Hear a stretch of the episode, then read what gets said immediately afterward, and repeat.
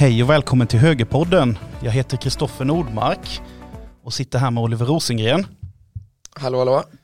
Eh, när vi spelar in det här så är det måndag den 3 augusti Stämmer. och det är 64 år sedan Volvo, Volvo lanserade sin extremt populära Amazon. Ja, så du.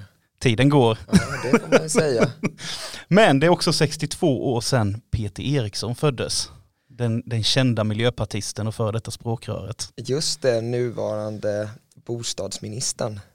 Och då tänkte jag här, när vi ändå talar om miljöpartistiska ministrar, så har vi ju Amanda Lind Ja, som är kulturminister. just det.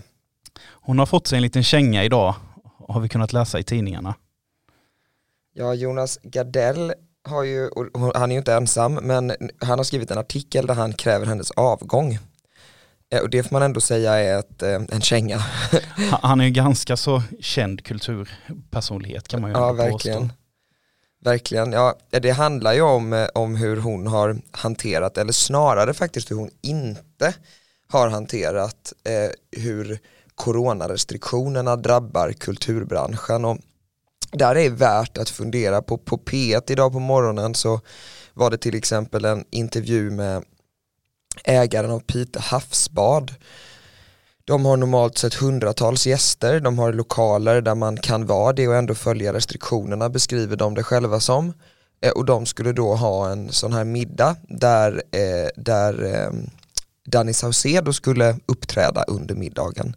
Det är fortfarande en sittande middag, jag har varit på en av de där föreställningarna fast i Göteborg för flera månader sedan och folk sitter ju och äter under tiden det pågår ett uppträdande så att kan man sitta där och äta kan man rimligen också så att säga ha musik i bakgrunden som inte kommer från högtalare utan från en scen. Men när det kliver på en artist så blir det då ett, ett evenemang som omfattas av 50 personers regeln. Och då kan man inte längre göra detta, genomföra detta och det hade polisen då meddelat några dagar innan. Och det, den här typen av situationer verkar ju vara grunden till kritiken att, att man upplever att det finns de här situationerna uppstår och att det finns en minister som inte alls verkar bry sig. Jag, jag kan ju inte annat än hålla med. Jag tycker det är helt orimligt att du, du som, som företagare får ta in en, en trubadur som, som inte räknas som rikskänd. Det kan ju vara en lokal kändis med en duktig trubadur men inte en rikskändis. Men när du plockar in en, en, känd, en, en rikskänd artist så blir det helt plötsligt en offentlig sammankomst. Så kan du inte bedriva din verksamhet längre. Nej, det, det, det blir märkliga gränsdragningar och jag tycker kritiken är, är liksom oavsett egentligen vad man tycker i den enskilda sakfrågan, för där kan man ju ha olika uppfattningar, även om jag tycker att här behövs det ju ses över reglerna så att de blir mer liksom sunt förnuft. Så. Men, men det som eh, stör och som kan störa vem som helst, oavsett vad man tycker, är ju känslan av att en person som har ansvar för något inte kan eller bryr sig tillräckligt. Eh, och det är det som man beskriver i första hand. Alltså eh, Jonas, Jonas Gardell uttrycker det till och med som att vi behöver en, en, vi behöver en kulturminister som kan något, åtminstone, eh, som kan något det allra minsta om branschen. Och det får man ändå säga är, är en väldig kritik. Så att här finns ett förtroende att vinna tillbaka eller kanske att följa rekommendationen från, från Jonas Gardell. Men eh, situationen är ju såklart väldigt, väldigt väldigt jobbig för de som både jobbar med detta och runt omkring alla branscher som finns runt omkring men också för många som har längtat efter konserter, alltså det, det är ju eh, det här coronasituationen drabbar, drabbar människor och samhället på ett väldigt brett sätt och då gäller det att hitta olika former att, att ta sig framåt ändå.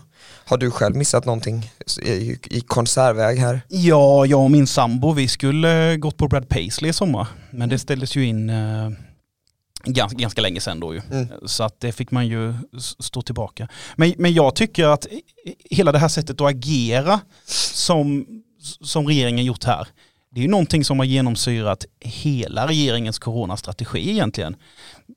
På punkt efter punkt så har man inga klara och tydliga riktlinjer. Man, har inga, man- man förklarar aldrig hur man ska göra utan det är nästan lite godtyckligt tycker jag. Titta bara som det här exemplet med nöjesfält och, och djurparker. Om du bedriver en djurpark och har karuseller, då har det varit okej att ha besökare. Men om du bara bedriver en nöjespark som Gröna Lund exempelvis eller, eller Liseberg, då var det inte okej okay i början. Jag, jag ja, men den typen av liksom kluvna regler gör ju folk eh, upprörda för att det blir otydligt liksom. Ja och sen när regeringen svarar med, som Damberg svarade med då, nu är det som det är och nu ändrar, ja. nu ändrar vi inte mer. Nej, och det är, ju, det är ju ett hot mot förtroendet för politiken när man har företrädare som svarar på det sättet att det är som det är. När det är som ni vill att det ska vara. Det är så att säga det som är politik. Eh, och, och, och, det är ju provocerande att ens uttrycka sig på det sättet därför att för en politiker är det aldrig bara som det är. Precis. Eh, det är liksom det som är hela livskraften för politiken, att, att man gör någonting med som det är om man tycker det. Eh, Sunt förnuft som du säger. Ja exakt. men det är intressant, en, en eh, som jag själv tycker då är en av Moderaternas skickligaste eh, riksdagsledamöter, Edvard Riedel som är från Västerbotten. Han skrev eh, idag på sin Facebook, bara som exempel utifrån vad du sa, om olika, han har skrivit sex stycken exempel på förslag som har kommit från M och som sen efter att regeringen har fått anpassa sig har blivit del av regeringens coronastrategi. Det är alltifrån företagsakut med eh, räntegarantier till hyreskostnader till slopade arbetsgivaravgifter, det är om eh, räntan på skattekrediter, heltidspermittering, en rad olika sådana här exempel då som, som, som lyft som flygplatser och så vidare. Och så vidare. Eh, och det är precis som du säger uppenbart att, att eh, man har bara liksom satt sig på stolen, lutat sig tillbaka i många delar och det förvärrar ju situationen men framförallt riskerar ju att skapa en irritation mot politiken som, som eh, kan hota även strukturellt det, det, är som det är när socialdemokratiska arbetarpartiet styr Sverige. ja men det hade nog varit bra med ett skifte. Eh, sen vi, det är ju ett tag sedan vi spelade in sist här nu, lite mm. över två veckor för jag fick lite förhinder. Vi skulle ju spelat in förra veckan egentligen. Men vad har du hittat på? Jag har mest varit på, här? Ja, jag har mest varit på sjön faktiskt och, och varit och gått i skogen, varit och besökt två naturreservat med hunden. Och... Vilka? Jag har också varit i ett nämligen. Jag har varit i Osaby, ja. gått hela där och så har vi även varit eh, och besökt eh, Åsnens naturreservat. Ja, vad trevligt. Eh, det nya. Jag bor ju väldigt nära så ja. då blir det inte att man besöker dem. Så. Nej. Vi var på um, Store Mosse, jag och en vän vandrar varje sommar numera och tog Store Mosse den här gången i Jönköpings län. Det är lite större än vad, vad vi gick tror jag minsann men Ja men det är väldigt trevligt. Det är, det, det är riktiga pärlor de där naturreservaten. Vi var det är ja, väldigt härligt. Det, det är så fantastiskt i, i, Sverige att komma ut. Det är någonting med allemansrätten som är det, det tycker jag om. Mm. Det är just för att komma ut och njuta av naturen och se på hur fantastiskt det faktiskt är här. Ja.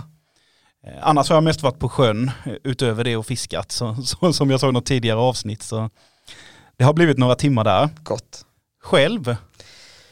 Jo men som sagt då en vandring för min del också, flyttande eh, och eh, utöver det så Eh, Eh, har det ju varit som det ofta är de här veckorna för min del, alltså det är en variation av att man kan vara lite då ledig eller vad man ska säga och, och jobba eh, när, när, det, när det behövs men ändå försöka ta det lite lugnare.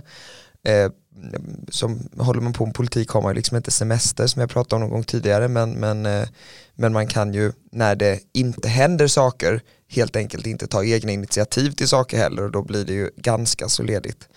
Eh, så det har jag väl haft ett par veckor så nu. Eh, men jag ser fram emot att det inte blir semestersvar på 80% av mejlen som går iväg från mig utan att det börjar ticka igång igen här så att man kan komma upp i normal fart igen.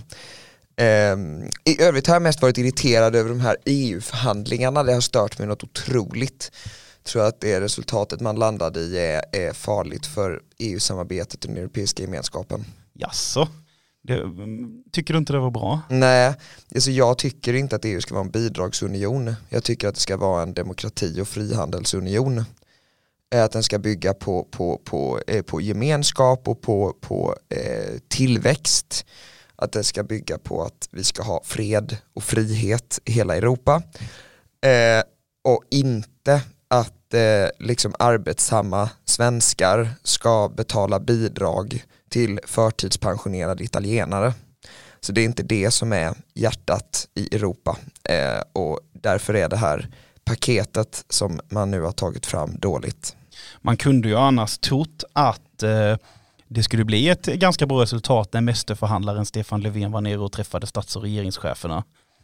Men eh, Ja, och i de här frågorna har man ju dessutom sitt veto som man kan ta till och det gör ju att det borde, så att säga, nej-sägarna som jag ju i regel då eh, ja, men som behövs i EU, eh, de har ju en fördel men de tar den inte riktigt. Eh, Så nu får vi ju en kraftig höjning av EU-avgiften och då gjorde man den här riktiga fulingen. Man försökte sälja in detta som att vi har fått en ökad rabatt. Ja det är klart vi har fått en ökad rabatt om avgiften höjs. Alltså, det spelar ingen roll hur stor rabatten är om det belastar, skatt, om det belastar skattebetalarna mer. Eh, kan man inte vara glad att det kunde ha belastat oss ännu mer, för det hade inte behövt att belasta oss mer alls. Det är väldigt irriterande.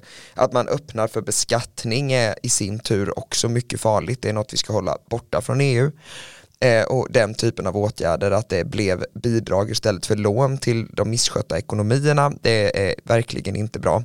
Vår eh, riksdagsledamoten, jag tror att vi nämnde det vid något, vid, någon gång tidigare här, men eh, svenskar som arbetar och betalar skatt i cirka 40 år ska nu rycka ut för att rädda bland annat italienarna som jobbar i cirka 30 år, deras krisande ekonomi. Och det är helt uppenbart här att det är detta som händer, det blir en omfördelning från länder där man arbetar mer till länder där man arbetar mindre och har sämre ekonomi och tillväxt. Då. Så tycker jag inte att EU ska fungera utan EU ska skapa förutsättningar för tillväxt men inte rädda de som inte sköter sig själva.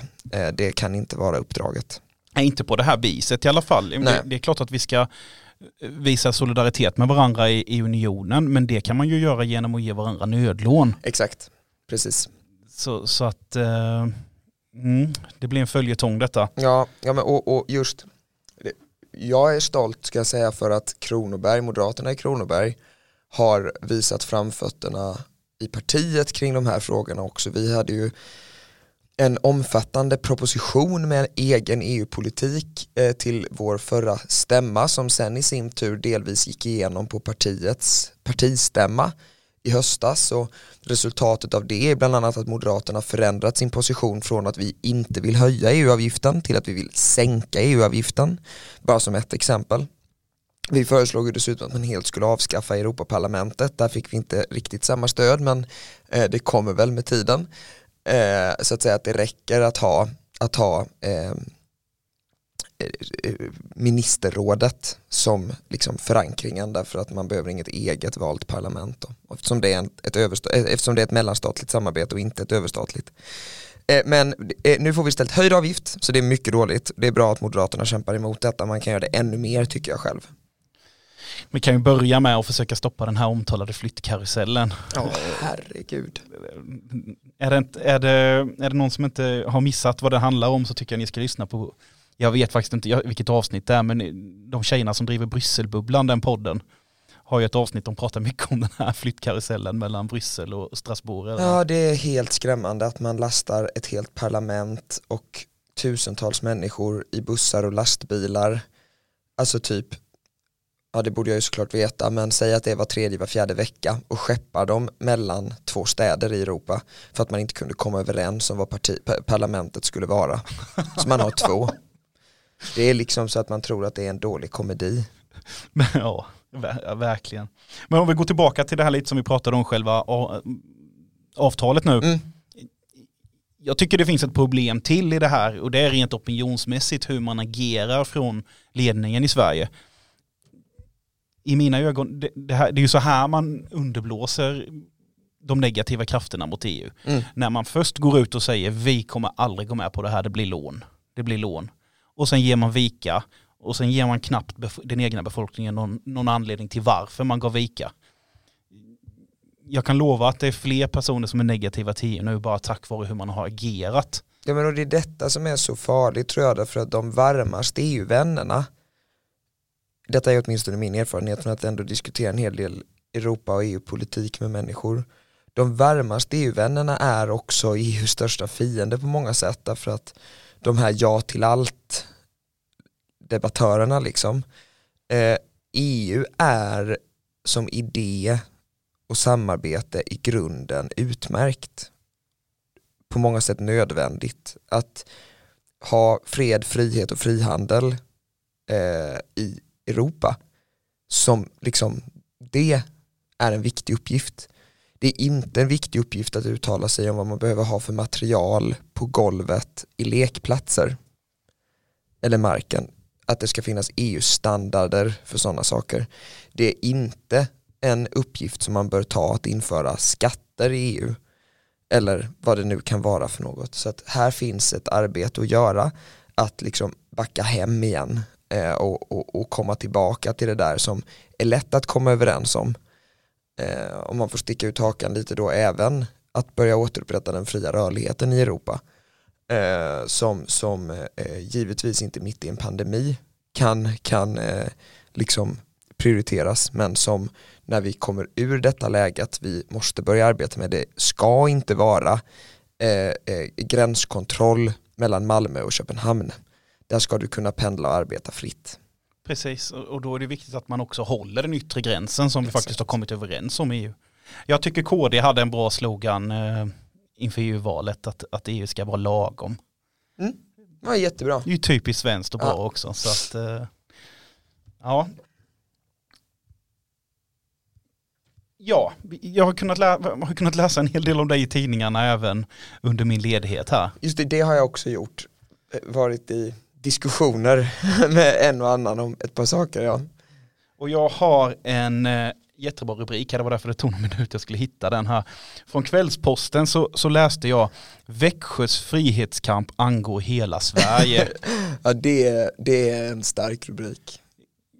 Det passar, det passar en, en, en moderat som du ju. ja det var roligt, det var ju eh, med anledning av eh, diskussionen om våra, våra serveringstillstånd hur vi hanterar den lokala alkoholpolitiken som den här enastående rubriken kom till.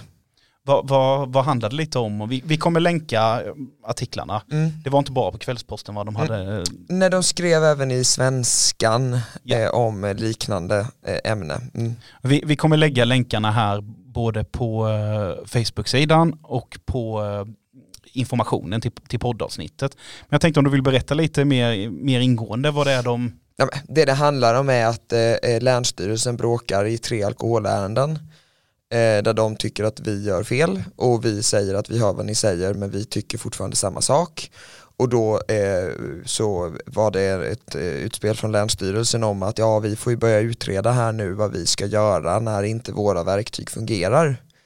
Och då så svarade jag väl ungefär att de fungerar visst, det är bara det att vi alltså inte håller med. Nej. Och vi ändrar oss alltså inte. Eh, alltså, det, det är inte konstigt, det är jättebra att ni säger vad ni tycker.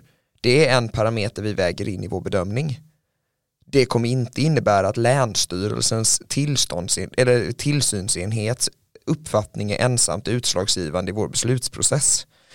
Alltså det hade varit ett helt annat samhälls och rättssystem om Länsstyrelsen skulle vara liksom de som bestämde över kommunpolitiken. Så är det inte. Demokrati slår byråkrati och så ska det fungera. Och när det gäller alkoholpolitiken så har de inget verktyg för att stoppa utan vi har den uppfattningen vi har, vi lyssnar på deras uppfattning, vi väger in den i vår bedömning och sen säger vi hur det ska bli. Och de, istället för att sätta igång någon utredning om sina verktygs funktionalitet så får de finnas i att det är vi som bestämmer. Vad ska man säga? Jag, mm, nej. Men man måste ju peka pinnar där man kan.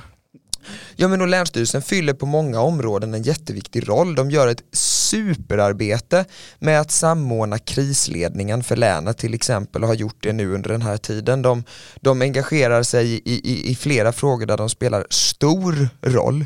Men ibland får man känslan av att Länsstyrelsen eh, dels inte riktigt hittar sin, sin roll och därför ger sig in i massa nya saker som de inte borde göra eh, och också att de helt enkelt eh, är konsekventa nej-sägare. Eh, och som eh, liksom kommunpolitiker jobbar man ju för utveckling och då krockar man ganska ofta med Länsstyrelsen eftersom de tenderar att jobba emot utveckling. Och detta är ju ett tydligt exempel på det. Eh, vi lägger våra resurser, det är en fråga om politiska prioriteringar, vi lägger våra resurser på att jaga fuskare och fifflare med alkoholtillstånd, på att försöka se till att man inte kan utnyttja alkoholbranschen i Växjö kommun för organiserad brottslighet. Eh, de lägger sina resurser på att försöka se till att man inte får ta ett glas vin på teatern. Mm. Eh, och det tycker jag liksom är en, en prioritering som är värd att ifrågasätta. Ja, Frågan är, du ser inget problem också i om, om du vinner detta. Hur, hur, eh, hur tror du det kommer ske i resten av Sverige sen? För Länsstyrelsen är väl x antal fristående? Ja, det är egna myndigheter. Eh, men jag kan ju bara konstatera att rätt så många kommunföreträdare från andra delar av landet har, har eh, uppmärksammat hur vi arbetar och jag tycker inte det är något konstigt i de besluten vi har fattat. Det här med alkoholservering på frukosten på hotell, inget unikt som är ett av ärendena. Eh, så att det är liksom, ja, men de ligger verkligen på här och vi försöker att, eh, att eh, förklara varför vi har kommit till den slutsatsen vi har kommit. Det är liksom ingen, det är liksom ingen nyliberal avreglering av alkoholmarknaden som sker här utan vi gör en delvis annorlunda tolkning. Det som stör mig är inte liksom saken utan det är den här stilen från Länsstyrelsen. Eh, att liksom tro att, att, att en, liksom en, en rekommendation eller en uppfattning från dem skulle trumfa eh, utfallet från väljarna i val. Det, så går det inte till. Viktig kamp, ja, det ska bli kul att följa hur det, hur det här går. Eh, är det hur, hur ser tidshorisonten ut? Eh? Det är så olika, ibland går det jättefort, ibland tar det lång tid. Men, eh, men under hösten här så får vi nog svar i alla tre. Det ska bli kul och kanske det är fler kommuner som hoppar på det här, mm. det här tåget sen det har ju hänt en del tråkigheter också. Mm. Eh, tyvärr var det ju en 12-årig flicka som blev ytterligare ett fall för gängskjutningarna och kriminaliteten i Sverige. Mm. Ja, det är fruktansvärt. Det är verkligen eh. fruktansvärt. Ja, jag, jag, jag, vet inte vad man ska säga och vi ska väl inte prata så mycket om, om just detta fallet. Det är ju det är fruktansvärt det som har hänt. Eh, men tyvärr är det ju bara en i raden som sagt. Mm. Ehm, och ingenting händer. Nej, och de åtgärderna som görs eh, ser ju ut att ha ganska låg verkan.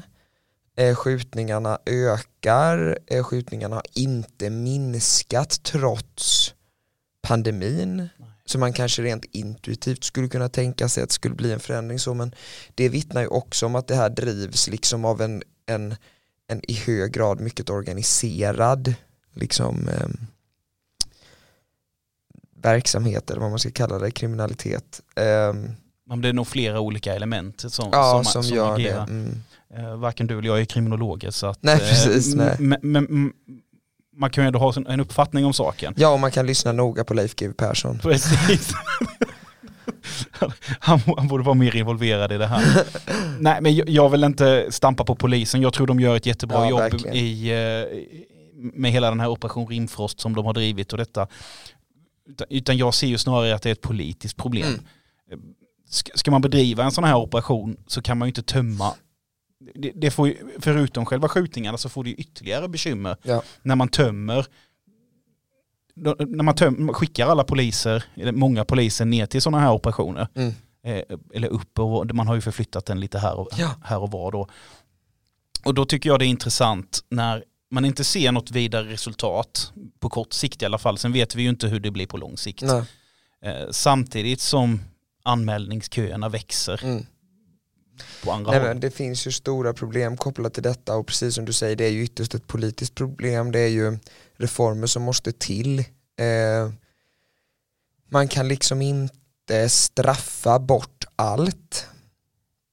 Och där tror jag för liksom Moderaterna det är viktigt att orka med att ha två tankar i huvudet samtidigt. Att, att man eh, så att säga man måste klara av att ha en diskussion om att man kan klart förebygga brottslighet och att förstå att risken för kriminalitet kan bero på en rad socioekonomiska faktorer utan att för den sakens skull bli vänsterpartist och tro att brott, det är bara något som råkar hända. Det är liksom, oj du blev drabbad av att bli kriminell. Som det ibland låter som, för så är det ju inte heller, utan i det enskilda ögonblicket när någon begår ett brott är det alltid ett eget ansvar. Det innebär ju inte att det inte finns faktorer som påverkar risken att man utsätts eller hamnar i en situation där man fattar beslutet att göra en kriminell handling. Och därför måste man jobba med båda de delarna. Så är det färre arbetslösa så kommer det bli färre brott och så vidare. Det vore liksom att underkänna arbetslinjen är på många sätt att argumentera för att det inte alls är på det sättet och, och, och, och där har vi tror jag landar vi lite för ofta i en position där människor uppfattar det som att jaha, Moderaterna tror bara att om batongerna och straffen blir lite längre så kommer allting bli bra och det kommer det inte bli utan det behövs liksom en variation av åtgärder, så är det ju. Det, det behövs både och medan vänstern vill bygga bara fritidsgårdar. Mm. Ja och just fritidsgårdar då, där kan man väl vara rätt rak i att det finns väl inget stöd eh, för att, för att det bidrar till, till, till minskad kriminalitet utan snarare gott om exempel på det motsatta. Alltså att det snarare blir nästen för kriminella handlingar och för rekrytering och för sådana saker. Så att eh, i vissa delar kan man nog vara lite mer definit än vad man kan i andra. Eh, eh, just att komma in tidigt, minimera riskmomenten och öka på de förebyggande åtgärderna tidigt. Eh, det är också därför det är viktigt att plocka bort de här liksom dämpningarna av samhällets eh, liksom repressiva åtgärder eller straff mot unga brottslingar. Mm. För att vi måste alltså sätta stopp för kriminaliteten redan när den börjar gro hos någon som är ung. Bryta upp rekrytering, bryta upp ungdomsgäng, eh, inte ha straffrabatt, alltså utan, det är ju ett stort problem. Utan snar, och, och, definitivt inte ha den här typen av, liksom, eh, alltså då är det både åldersfrågan och mängdfrågan. Båda de rabatterna måste bara bort. Eh, så att man tidigt märker att det är inte nice att begå brottsliga handlingar. Nej. Det är ju nästan det som, som jag ser som, som problemet här, det är ju hur man inte agerar överhuvudtaget straffrabatten är kvar. Vi har haft den här regeringen nu i, vad blir det, fem år? Sex år? Ja. Vilket mörker, ja. Ja, två år kvar. Ja då. Men, men vad vi ser, straffrabatten är kvar, däremot så ser vi hur man går på jägare. Mm. Det, ja, de, där finns en outtröttlig energi från regeringen. För det är ju så fantastiskt mycket jaktvapen i omlopp i, i kriminella kretsar. Mm. Och det är så mycket skjutningar som sker av mailstudsare. Ja det verkar vara, framförallt då från personer med licens och, eh, och, och eh, jägarexamen. Det verkar verkligen vara, det är den huvudsakliga kriminella gruppen för de här dödsskjutningarna. Lite så raljerande. Mm, mm. Nej, nej, men, men det är faktiskt otroligt att man, är, att man gör på det sättet när det samtidigt pågår eh, införsel av kriminella vapen, när liksom det ja, det är återigen prioriteringar som inte går hem. Nej. Socialtjänsten måste ju också stärkas upp i detta kan man ju konstatera. Alltså, eh, de situationerna som, som, där det handlar om att bryta upp och, och faktiskt göra omhändertaganden tidigt men också här komma in med tidiga insatser.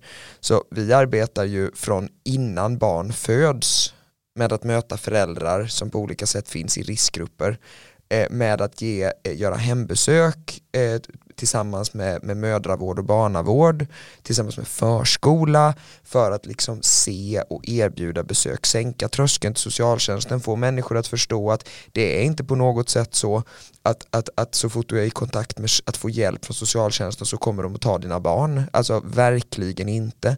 Socialtjänsten har ett batteri av åtgärder som man kan sätta in för att stötta och hjälpa om man har det kämpigt i sitt föräldraskap till exempel. Eh, så så, så det, det, det, finns ju åtgärder att göra som måste till och lagstiftningen måste också stärka upp socialtjänsten i detta eh, samtidigt som gränsen måste förtydligas så att socialtjänsten inte används som någon slags semipolis för det är inte uppgiften. Nej. Vi får se två år kvar som vi sa. Mm. Eh, många bra idéer finns. Eh, bland annat Moderaterna har väl en hel arbetsgrupp som jobbar med de här frågorna. Ja, jag hoppas att de kommer fram och också vågar ge sig på de här två delarna så att man inte landar bara i en lista över tio straffskärpningar till. Eh, för att, för att eh, det är klart att det finns straff som man kommer behöva vrida i och det gör det alltid. Liksom. Det är ett evigt kalibrerande. Men, men det finns ju helt andra saker man måste ta i i grunden. Tror exempelvis jag och eh, Torbjörn Tegnhammar som jag nämnt vid några tidigare tillfällen här skrev ju om om detta med, med eh, att få ett mer effektivt återvändandearbete till exempel. Alltså det är helt uppenbart att människor som är i Sverige som gömda illegala eh, för att de har avslag på sin asylansökan och liksom lever i ett parallellt samhälle har inte så många andra alternativ än kriminalitet för att få inkomster och så vidare, mat på bordet. Hade man haft ett fungerande återvändandearbete, alltså verkställa de beslut om avslag på asylansökan eh, där personen får nej på uppehållstillstånd och alltså ska lämna landet, ja då hade man inte på, på samma sätt haft det här skuggsamhället. Så det är också ett område som man måste ta tag i. Eh, så, så, så det finns ju flera fält här som man måste jobba med. Jag har aldrig riktigt förstått problemet där heller. Det kan ju vara svårt för en annan att se som inte jobbar med de här frågorna. Men, men i, i min värld borde det väl bara vara att göra så att när du får ditt beslut, det borde man ju kunna få i person. Mm. och inte per post. Exakt. Och får du avslag så är det att åka direkt ja. eller, eller åka till någon, åka med hem med att någon följer med dig ehm, och, och sen få åka. Nu menar jag inte att man ska sätta sig i någon, att man rimligtvis behöver inte sättas i något fängelseliknande plats så att säga, men att man ändå sätts på ett bestämt ja. ställe så att alltså myndigheterna... Vi, vi, vi föreslog ju, det är delvis i enlighet med den statliga mottagarutredningens alternativ B, jag tror att jag nämnt i någon tidigare podd, eh, att man skulle ha nat alltså nationella mottagningscenter där man bor i väntan på sitt beslut.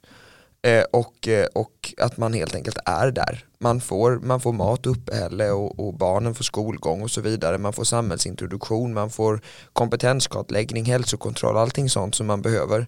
Eh, därför att nu är ju problemet att personer eh, försvinner.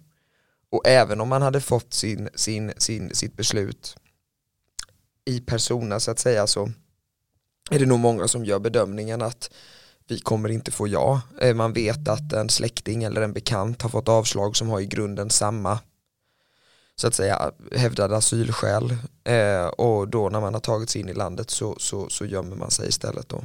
Ehm, Eh, och det blir ju inte minst många barn som hamnar i en svår situation och stort lidande när man lever på det sättet. Precis. Det har väl fuskats en hel del med de här numren med, LMA? Eh, ja, precis, samordningsnumren ja, som man precis, har. Ja, precis, samordningsnumren. Ja. Eh, där man, har man inte fuskat där egentligen så att man har sökt flera gånger. Jo precis och på det sättet har kunnat få flera stycken och det kan ju användas som en nyckel in i systemet mm. på olika sätt. Och så det rimliga att göra det var ju vår, vår talesperson i skattepolitiska frågor Niklas Wykman föreslog att man helt enkelt skulle återkalla alla samordningsnummer mm.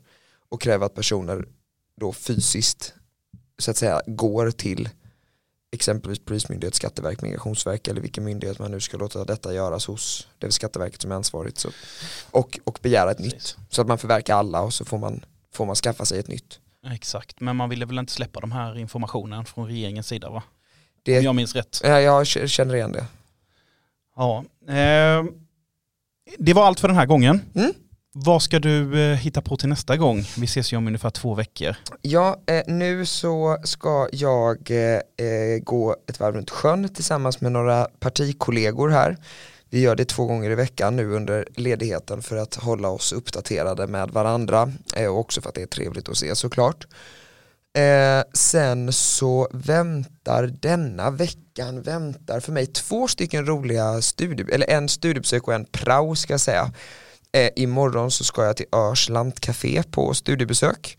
Eh, och på fredag ska jag faktiskt göra det, här sett fram emot länge. Det blev inställt i våras av coronaskäl och nu då så ska det äntligen göras. Jag ska på, eh, jag ska praoa på fredag förmiddag på Cleaning Support som är ett, ett rutföretag och följa med dem eh, när de eh, städar i eh, inte i hem då, utan i andra lokaler.